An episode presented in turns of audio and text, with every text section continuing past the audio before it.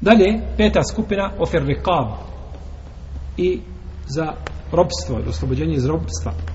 I ova skupina obuhvata tri podskupine ili dijeli se u tri dijela. To su prvo ljudi koji su muslimani koji se žele otkupiti iz robstva. Dozvoljeno im je po mišljenju većine uleme da im se da od zekijata i da se oslobode znači robstva. I kod većine uleme ovo je ustavljeno da taj rob nije u stanju da se sam otkupi, da plati šta iz svoga imetka da se otkupi. Ili može jedan dio da plati, a jedan dio znači nema. Pa ako nema ništa, onda mu se daje da se otkupi. A ako ima jedan dio, onda mu se daje samo naliko koliko je šta potrebno da se znači nadomiri da, da bi imao ono što mu je potrebno da se oslobodi. Dalje, oslobođenje robstva, roba muslimana, koji je musliman u robstvu, i da ga neko kupi, da ga oslobodi. Ti dođeš sobom i kupiš ga i šta? Oslobodiš ga. I Malikijska ulema ovdje ima Mahmed uzvoljavaju na ovakav način da se uzima od zekijata. Pa znači, ako je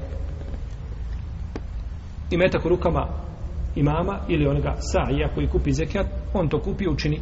Ili ti imaš i metak, imaš 10.000 maraka zekijata, odeš kupiš roba i oslobodiš ga. Jel, to je bilo vrijeme kada je ovaj bilo prisutno roblje, danas je to rijeđe od rijetko.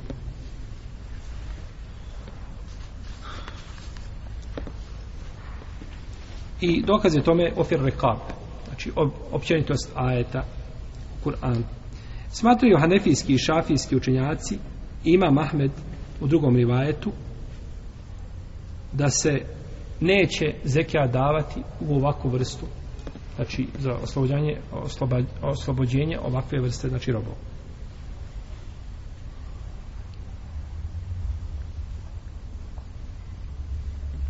i treća skupina da se otkupi musliman koji je u zarobljeništvu iz ruku mušrika se oslobodi i ovo je stav ambelijskih učenjaka Ibnu Habiba, Ibnu Abdel Hakema od malikijskih pravnika.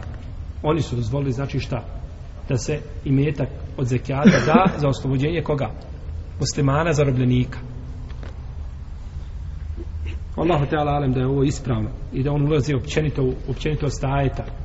Pa ako dozvoli osloboditi roba i dati robu koji želi da se otkupi kod džumhura, a rob je kod muslimana, pa onda preče da se da za zarobljenika koji je u zarobljeništvu kod nevjernika koji ga mogu ubiti, mogu ga znači ponižavati, mogu, mogu, jel? Nema nikakvih prava. Dok rob kod muslimana ima svoje prava. Tako ako dozvoljeno robu, dozvoljeno je i ovome jel, i to je preče, kako kažu ovaj učenjaci, a kažu malikije ne može. Maliki isključeno su to zabrani. Ispravno je, znači da da može.